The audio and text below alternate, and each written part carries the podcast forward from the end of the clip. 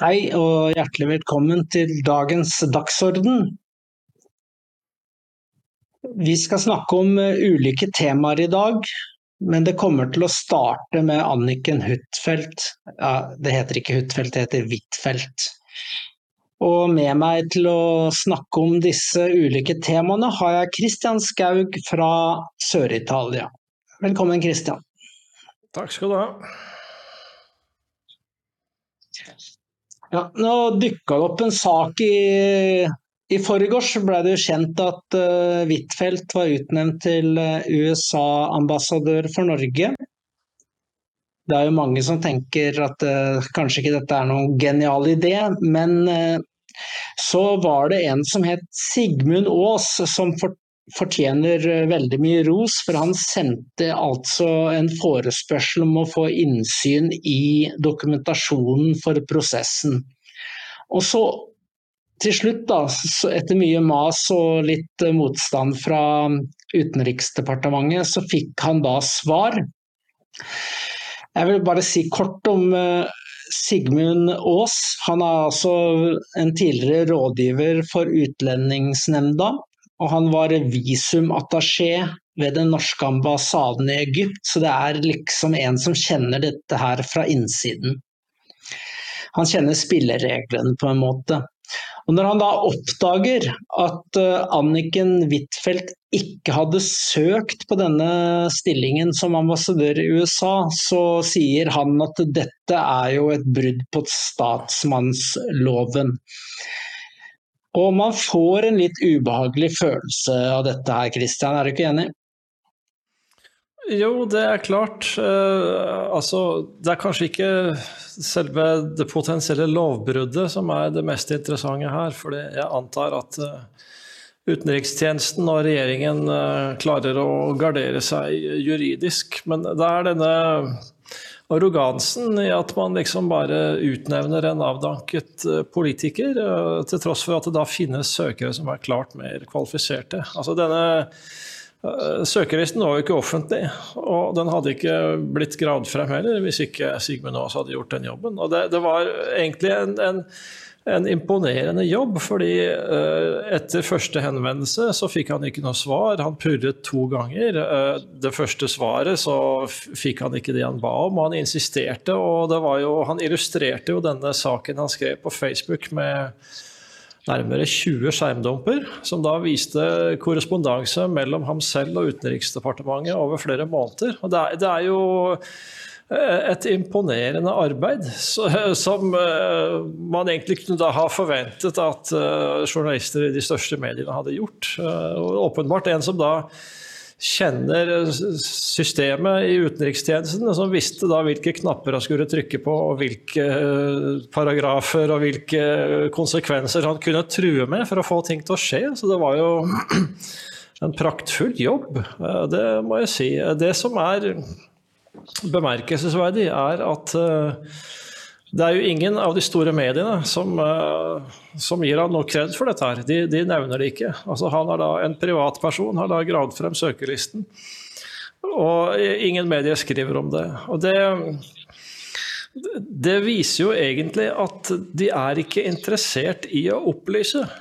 Altså, hvis, hvis, arbeidet, eh, hvis æren for oppdagelsen eh, ligger hos en person utenfor liksom, det etablerte medielauget, så, så, er det liksom som det ikke gjelder. Ikke det, er, det, er, det, er, viktigere å, å beskytte eget laugs ære enn det er å anerkjenne at en privatperson faktisk kan gjøre et uh, utmerket journalistisk uh, håndverk uh, uten å tilhøre en stor medieorganisasjon. Og det, det, er litt trist, fordi da altså Medienes oppgave bør jo være å formidle sannheten om viktige ting til publikum. Altså det, det er misjonen. At, da, at, de da unnlater å gjøre det, fordi at det er en person utenfor medienes egne palassmurer som har gjort den eh, ordentlige jobben, det er veldig veldig lite sjenerøst. Altså det, det, tyder på at de, er, de, anser ikke seg selv som offentlighetens tjenere. Altså er, de, de, de, anser da eh, apparatene de sitter i som en måte til å, å fremheve seg selv. Så de snur alt på hodet. Så mener, vi, vi ville jo aldri nølt med å, å gi kreditt til hvem som helst som graver frem interessant informasjon. Vi gjør det hele tiden, uansett hvem de er. Så det, det syns jeg folk bør bite seg merke i. Ja, det er ganske interessant det du sier. For det første så må jeg bare nevne en ting. At eh, jeg har fått eh, veldig mange tilbakemeldinger, for siden det var jeg som faktisk da endte opp med å skrive denne saken. Men det er jo Sigmund Aas som fortjener all ros.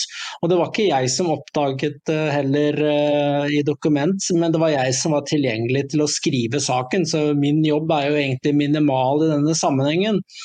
Du, det du sier om mediene er ganske interessant, for at Nettavisen har gått ut med saken.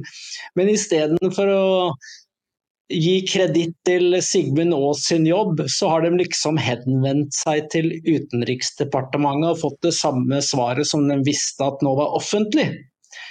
Og, og det er jo et nydelig eksempel på hvordan de eh, vil eh, holde seg for gode til å hylle eh, enkeltpersoner som gjør en glimrende jobb, Christian.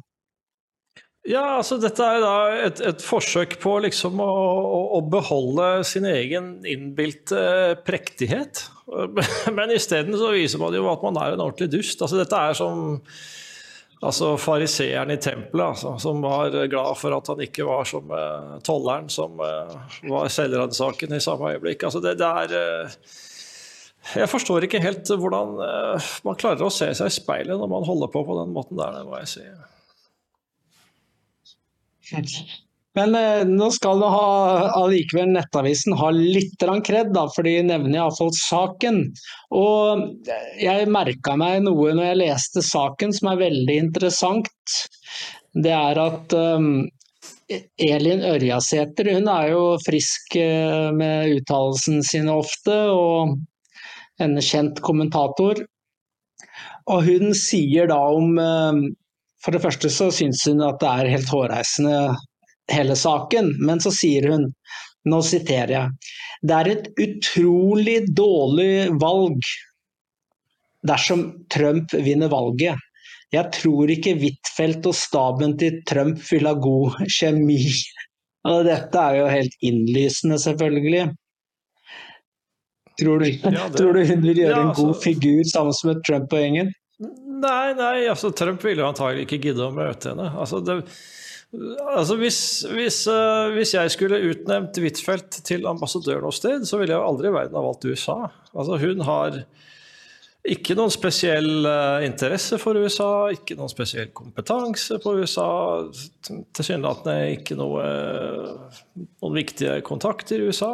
det hun derimot har, det er kontakter i Altså shithole countries i Midtøsten, altså Afghanistan, uh, palestinske områdene, der er det jo liksom i, uh, i, sitt ess. Så hadde jeg vært regjeringssjef, så ville jeg utnevnt henne da til ambassadør i Kabul f.eks. Altså ambassadør til Taliban-regimet. Det, det, det, er jo på det punktet at hun har gjort sine største utenrikspolitiske innsatser. Altså få Taliban til Norge og prøve å forhandle med dem. så så det er klart, hvis, hvis, Trump vinner valget, så vil hun være en uh, fantastisk dårlig kandidat. Men selv om han ikke skulle gjøre det jeg mener, En, en ambassadør skal altså ivareta uh, norske interesser utenlands. Da bør de jo ha et godt forhold til, til dette andre landet. Men uh, sånn som hun står politisk, så har hun et dårlig forhold til halve landet. Fordi hun har jo altså malt et bilde av eh, Trump som er direkte fiendtlig. Altså hun står ikke noe tilbake for uh, demokratene i USA. Altså etter 6.1 så skrev hun en kronikk i VG hvor hun klandret seg selv og det norske politiske landskapet for at de ikke hadde vært tydelige nok i møte med en antidemokratisk amerikansk president. Det må jo da bety at uh, hvis hun holder ord, så må hun jo da uh, bli tydelig, da. Uh, altså Er det det hun skal gjøre i USA? Å fortelle halve befolkningen at dere, dere stemmer på en antidemokrat? Altså, det blir jo som å si til halve vertsbefolkningen din at dere er deplorables. Så det, dette er jo en, en partisk utnevnelse. Hun, eh, hun, vil jo da bli uglesett av de som er tilhengere av Trump. En annen ting, eh, hvis du skal ha å gjøre med nordmenn i USA eh, De som har norsk bakgrunn i USA, de er jo veldig ofte Trump-tilhengere selv. Mange av dem gidder jo ikke å dra til Norge lenger, fordi at de, de, de syns liksom de må eh, enten la være å snakke om politikk, eller så må de nærmest bortforklare hvorfor de er sympatisører av Trump. Så hun er jo ikke noen, noen brobygger i det hele tatt. Altså, hun er en, en kantete, partisk politiker som ja, som sagt, I den kronikken så, så, fremstilte hun Trump som en autoritær og antidemokratisk leder, og liksom trakk linjer til uh, regimer. Og det er så Jeg mener skulle, Trump gadd ikke å ta Angela Merkel i hånda. altså Hva skulle han da gjøre med Anniken Huitfeldt? Altså, hun uh, ville aldri i verden ha sendt henne til Washington. Ja, Ørja, Ørjasæter sier en interessant ting til. At uh, det ser ut som jobben er en trøstepremie. Så, skri, så sier hun at vi har ikke råd til å dele ut trøstepremier på dette nivået nå. Fordi det, det sier seg jo selv.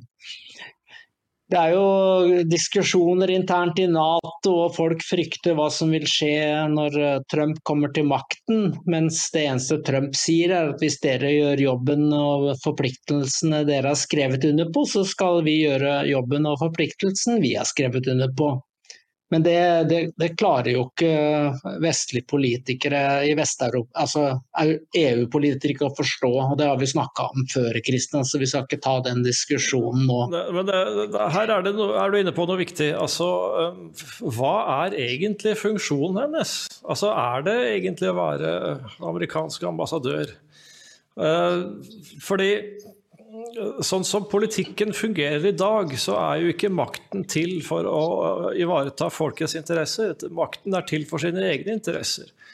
Og Huitfeldt, i likhet med andre i det politiske apparatet i, i, Vesten, de hva skal vi si, deres oppgave er å tjene en globalistisk agenda. Uh, og da, da, kan du i prinsipp bruke en, en hvilken som helst uh, viktig stilling til det formålet. Så om den stillingen da var oppretta for noe helt annet, så uh, spiller ikke det noen rolle. Altså, det, det, var det som var det geniale med denne kommunistiske tenkeren i Italia, Antonio Gramsci. ikke sant? Vi skal gå den lange marsjen gjennom institusjonene, få på plass våre folk overalt, så, så tar vi over. så da får du eh, Hvis du da infiltrerer et helt samfunn ideologisk, så kan du jo da få det vi har i dag. Altså forsvar som ikke er forsvar, kirker som ikke er kirker, skoler som ikke er skoler.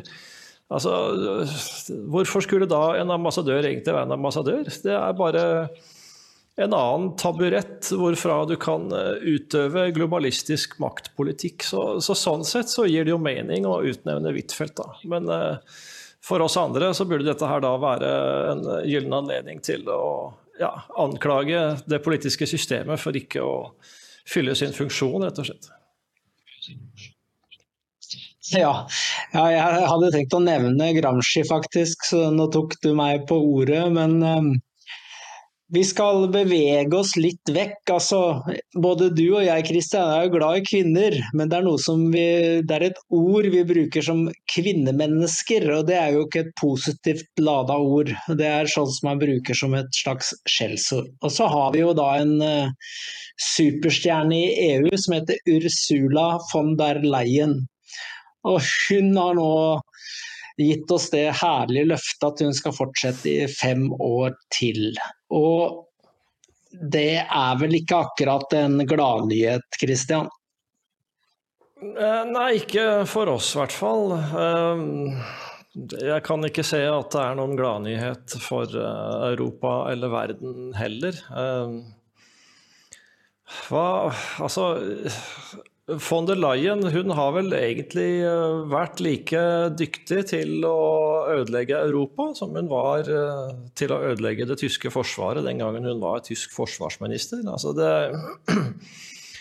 Jeg kommer til å tenke på det Nordahl Grieg-diktet 'De hvis råd, dåd er ruiner'. Altså Hennes dåd er bare ruiner. Du, uansett hva du setter henne til å gjøre, så går det gærent. Altså, europeisk eh, økonomi er dårligere nå enn da hun tiltrådte for fem år siden. Og det, det er jo ikke noe rart, for hun er hovedarkitekten bak uh, altså denne grønnskapen uh, i EU, altså grønne galskapen.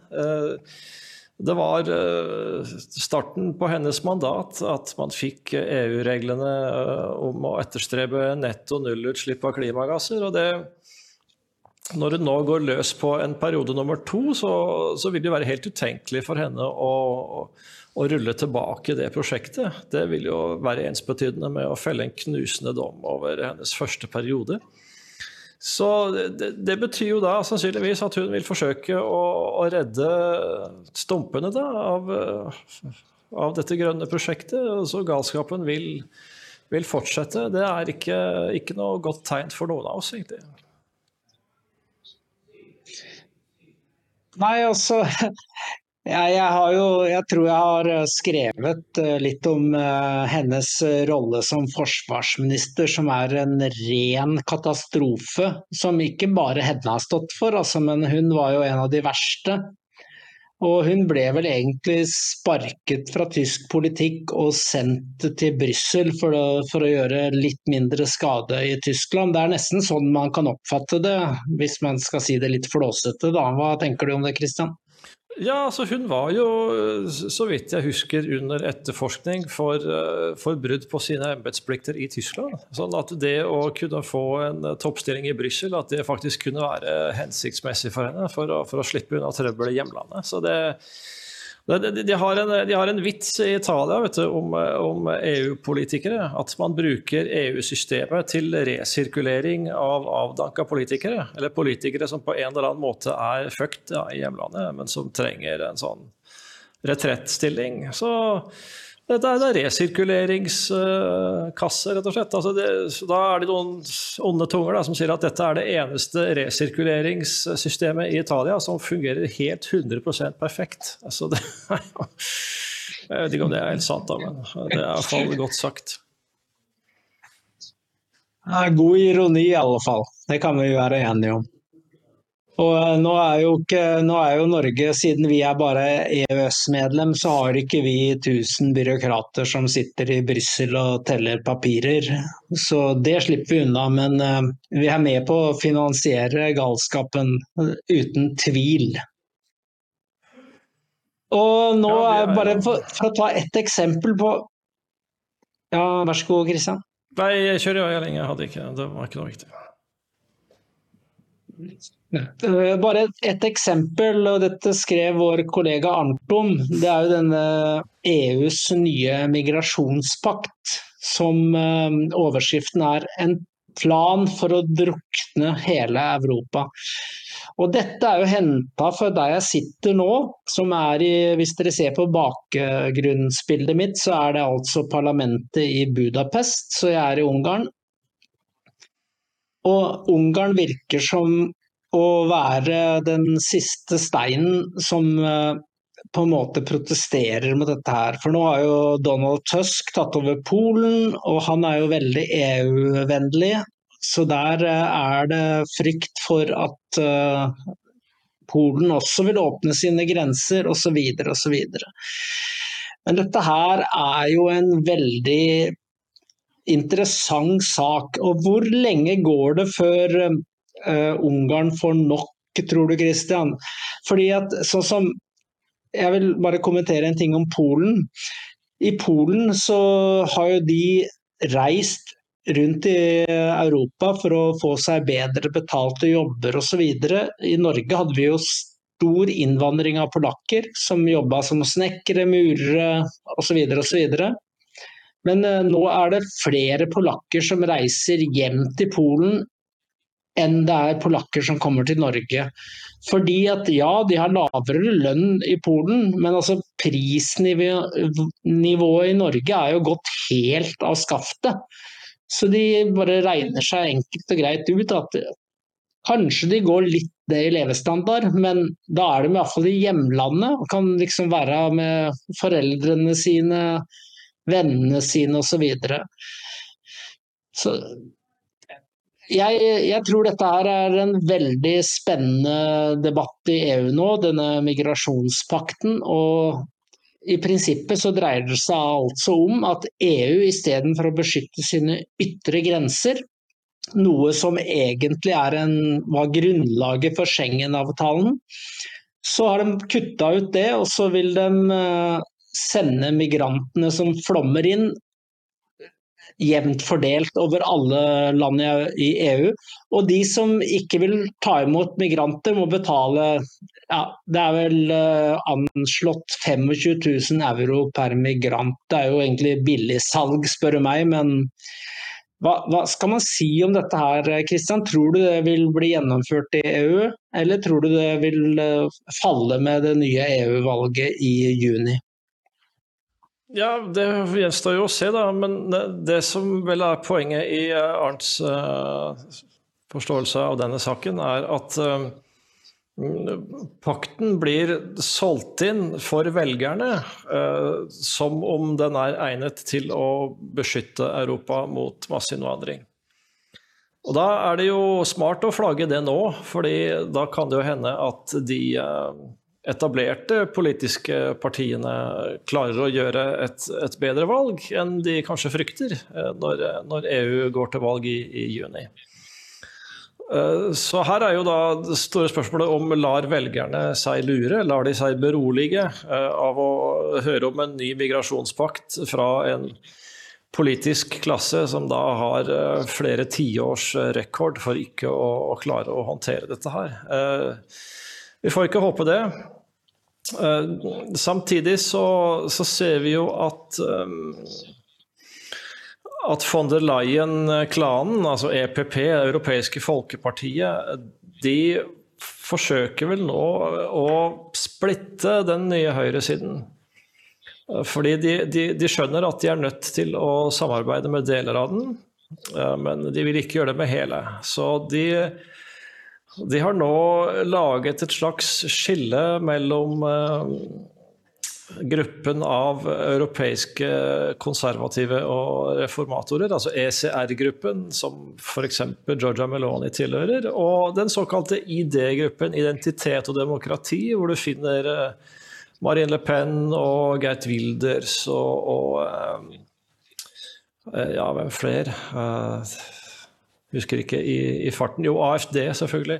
Så da sier de at ja, ok, da har vi en del av den nye høyresiden som liksom er halal, og så er det en annen del som da er haram. Så da skal man forsøke å innynde, eller å sosialisere den ene halvparten inn under sine egne vinger og støte den andre halvparten ut i det ytterste mørket. Og så skal man da liksom beholde den politiske slagkraften til å kjøre business as usual. Og det er eh, det er absolutt en, en reell risiko at, uh, at von der Leyen-klanen uh, da klarer å, å, å, ro dette her i land. Ved å late som om de kanskje skal gire ned litt både med grønnskapen og med migrasjonen, men så kommer egentlig begge deler bare til å dundre videre som før. Det ville være da et klassisk politisk uh, lureri. Så vi får se hva, hva velgerne sier i juni. Ja, Det blir veldig spennende og viktig EU-valg. Vi har jo ikke stemmerett der. Vi bare tar alle reglene de hiver etter oss og følger dem lydig. Eller ikke vi, da, men politikerne våre. Når det gjelder f.eks. Polen, da, bare som et eksempel, så hadde jo de tatt imot to millioner flyktninger fra Ukraina og så fikk de kritikk for at de ikke ville ha flyktninger fra um, Midtøsten og whatever. Ikke sant? Altså, det er ikke så mange mennesker som bor i Polen. Men eh, mange av de reiser jo tilbake, da, for det er ikke noe velferdsstat i Polen på den måten som eh, ukrainere i Norge er vant til. Men uansett så er dette ganske interessant med tanke på den Drammen-saken vi har diskutert tidligere. Fordi at eh, nå er det jo slik at eh, de som da argumenterer for at eh, Drammen bare skal ta imot ukrainske flyktninger, de sammenlignes nå med Anders Behring Breivik. Så tankegodset er på god vei. Vi skal ikke diskutere det, men det er liksom bare Jeg så det på Jon Helgheim sin uh, Facebook-side i dag, og jeg ville bare nevne det. Det står i Drammens Tidende, dere kan gå inn og lese det selv. Det er fullstendig galskap. Ja, altså Hvis man ikke ja. kan problematisere forskjellen på ukrainske eh, innvandrere og asylinnvandrere fra, fra Midtøsten eh, og lignende, eller det utvidede Midtøsten, da, da, har man på en måte sagt at nei, vi ønsker ikke å, å ta virkeligheten innover oss. Det, det, er jo forstemmende. Det går alltid gærent når man ikke vil forholde seg til, eh, til virkeligheten. Når det gjelder Polen, så er jo det riktig det du nevner med at de har jo ikke vår velferd, så ukrainerne reiser hjem i massive antall derfra.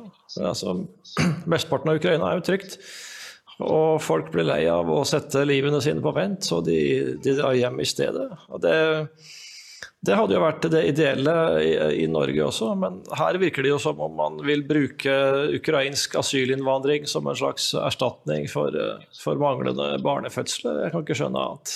Hvis ikke så hadde man jo ikke hatt noe, noe insentiv til å, å, å, betale så store summer til, til ukrainere. Så det er klart, da får du, Når du har den politikken, så får du jo da Midtøsten på kjøpet. Det får jo ikke Polen. Altså, du, du, kan si, hvis, hvis, du hadde innført en sånn fordelingsplan da, hvor du sendte Polen en hel masse mennesker fra Midtøsten proporsjonalt med deres befolkningsandel i EU, så ok, de ville kanskje vært der noen måneder, så hadde de dratt til Tyskland så fort de kunne. så det, det, blir litt som når du plasserer uh, folk uh, på landsbygda i Norge, at uh, de vil heller være hos klanen i en eller annen norsk storby. Så, det, så, uansett hvem som sitter i regjering i Polen, så tror jeg de vanskelig vil bli oversvømmet av innvandrere. Rett og slett fordi at det er ikke den samme Det er ikke et like hensiktsmessig territorium å prøve å slå seg ned i, rett og slett.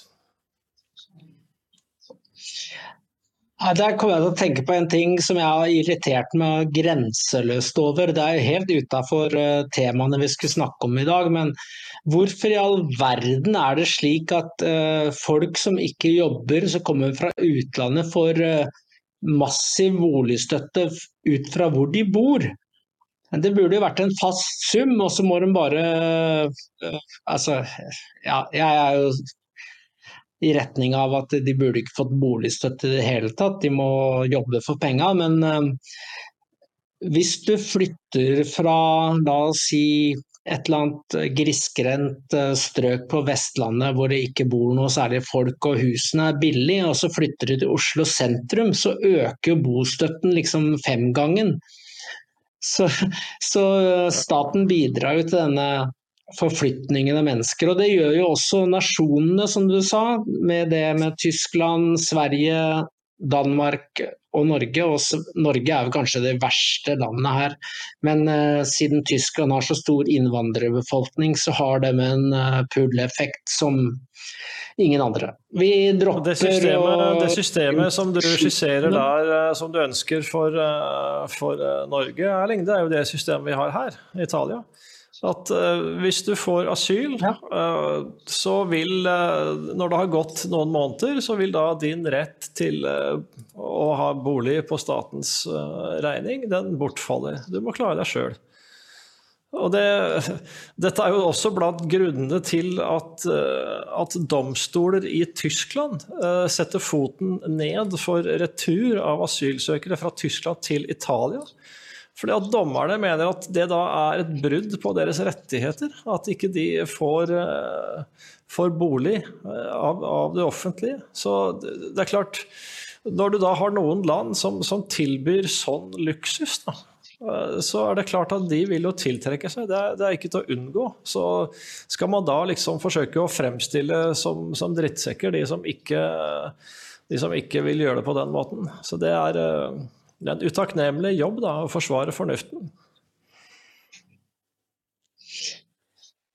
Ja, jeg har levd 55 år nå, og jeg kan ikke huske at jeg har fått noe støtte fra staten til noen av de stedene jeg har bodd, da. bare å si det slik. Jeg har vært igjennom eh, kriser og problemer, jeg òg, som alle andre mennesker. ikke sant? Det er bare sånn det er. Sånn er livet. EU eh, e er jo også Klimahysteriet varer jo også i EU. Og nå er de jo slengt seg på den der karbonfangst og lagring-hysteriet. Men de tror de skal lage business av dette her. Så de, de, skal, de skal, skape et helt nytt ikke-eksisterende marked, Kristian. Dette skrev du om, så du kan jo ta og redegjøre litt for hva dette dreier seg om.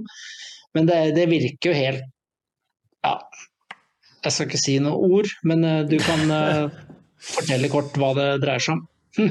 ja, Bakgrunnen er jo som før at EU har ambisjoner om såkalt netto nullutslipp eh, av, av CO2.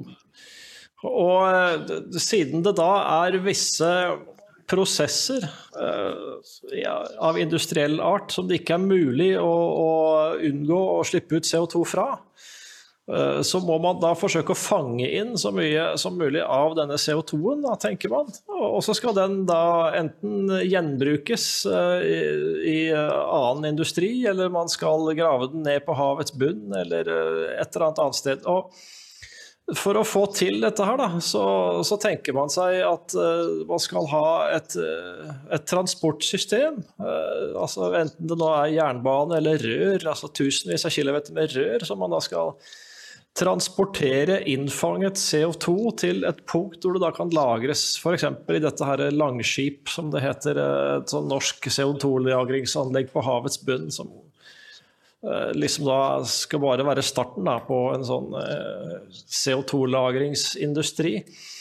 Og dette, da snakker vi altså om, om, å lage tusenvis av kilometer med rør over hele EU eh, for å transportere CO2 til, til å grave ned. Og det skal da koste ufattelige mengder med penger. og det det, som er det absurde her, er jo at hva EU måtte gjøre på CO2-fronten, det har jo ingenting å si for klimaet, fordi resten av verden ikke holder på med dette tøvet.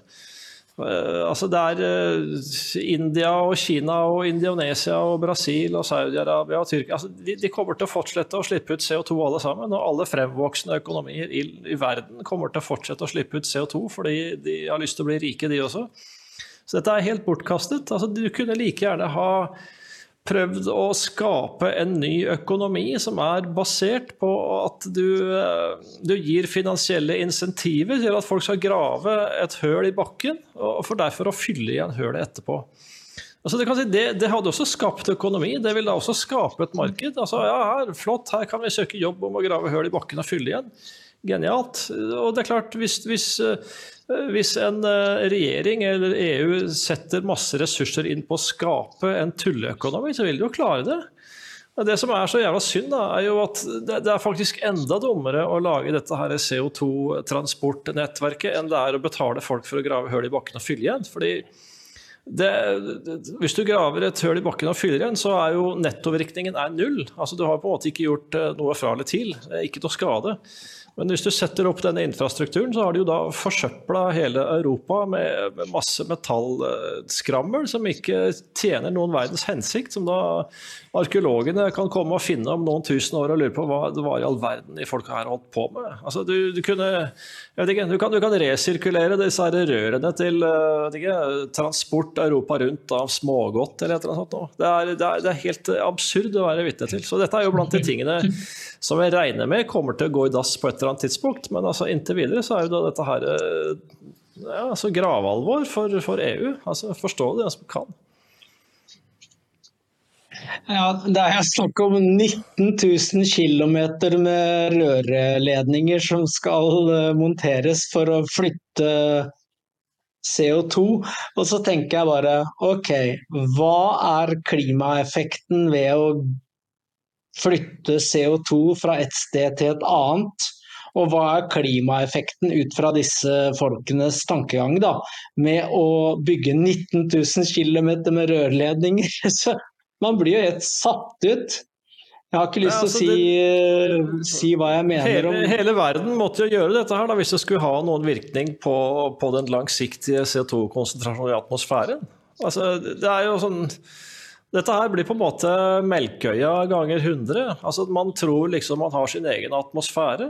At du bare kan gå foran, og så skal resten av verden eh, følge etter med denne galskapen. Men altså hvis jeg hadde vært Xi Jinping, så ville jeg bare ledd meg i hjel, tror jeg. Altså, se hva disse dumme europeerne holder på med. Altså, vi kommer til å bli verdens dominerende kraft uten å gjøre noen ting, for de andre driver jo bare og ødelegger for seg sjøl. Så dette er Altså, vi ledes av eh, folk som er eh, bortimot klinisk sprø. Og det er, det er, en utfordring for oss, fordi da må vi liksom lage et rom eh, rundt våre egne liv hvor det ikke er sprøheten som regjerer. Så det, det er noe man må forsøke å ta litt alvorlig, altså. Jeg tror nok Xi Jinping har fått med seg et gammelt slagord. og Napoleon er blitt nevnt mange ganger for å ha sagt det. at hvis du, hvis du, merker at fienden er i ferd med å ødelegge seg selv, så er det beste du kan gjøre å bare sitte på sidelinjen. Men det er andre som har sagt det òg, så jeg skal ikke gi Napoleon all æren, da, selv om jeg er stor fan av Napoleon. Ja, det, eh, vi, eh, vi har jo sett noen motstandsbevegelser, eller motstandsbevegelser er kanskje overdrivet, men det er noen som begynner å få en skepsis til dette her, og det har vi opplevd i USA. Hvor eh, tre gigantiske selskaper, altså de er så store at det er vanskelig å oversette det til norsk engang, men eh, JP Morgan Chase er altså er verdens største investeringsbank. Og så har de noe som heter uh, Hva heter det igjen? State Capital et eller annet. Og så BlackRock. BlackRock er altså gigant. De har over ti ganger så mye som oljefondet disponibelt som uh, investeringsmidler. Og de trekker seg nå ut fra en sånn eh, klimakoalisjon eh, som heter Climate Action 100 pluss pluss pluss. Som er eh, et symbol på denne ESG-galskapen som vi har opplevd i økonomien i det siste. Og dette her er vel det er iallfall et snev av positive tegn, selv om BlackRock ikke har noen planer om å kutte ut sin sin ESG-politikk eh, e overfor eh, de selskapene de investerer i, men de bare gidder ikke å bruke penger på det selv. Sånn er det jeg tolker det iallfall, Christian. Hva tenker du? Ja, det er et tegn. Altså, det, det, er, eh, det er et tegn blant mange som vi har sett det siste året på at det er mennesker i viktige posisjoner som begynner å få litt kalde føtter med, med dette klimatøvet. Eh, det betyr selvfølgelig ikke at, eh, at det kommer til å bli noen eh, sånn kontrarevolusjon med en gang. At, at, verden plutselig bare bestemmer seg for å skrote dette her over natta. fordi det er jo så mange interesser som er knytta til dette her nå, at mange vil kjempe med, med, nebb og klør mot det. Det blir litt som med byråkratiet. at Hvis du først har oppretta et byråkrati, og det byråkratiet ikke lenger tjener noen hensikt, så vil det fortsette å, å leve i lang tid etterpå. Fordi at det simpelthen er så mange mennesker som har sitt daglige brød og utkomme fra det, til at det bare kan fjernes over natten. Men øh, jeg er helt sikker på at disse tegnene som vi har sett flere av, de uh, forteller oss at i løpet av en periode på noen år, kanskje noen tiår, så, så vil vi se at grønnskapen rakner. Uh, vi kan jo bare ønske at det går fort, uh, men om det nå går fort eller langsomt, så, så vil det på et eller annet tidspunkt rakne. Og jeg liker jo da å trekke en linje til, til Sovjetunionen. Altså, man kan tenke seg hvor demoralisert apparatskikkene og partitoppene var liksom utover 70- og 80-tallet.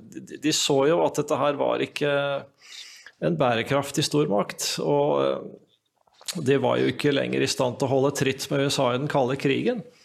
Og til slutt så, så gikk Sovjetunionen i oppløsning. Og det, det, jeg tror det er en slags historisk reprise vi ser av det nå.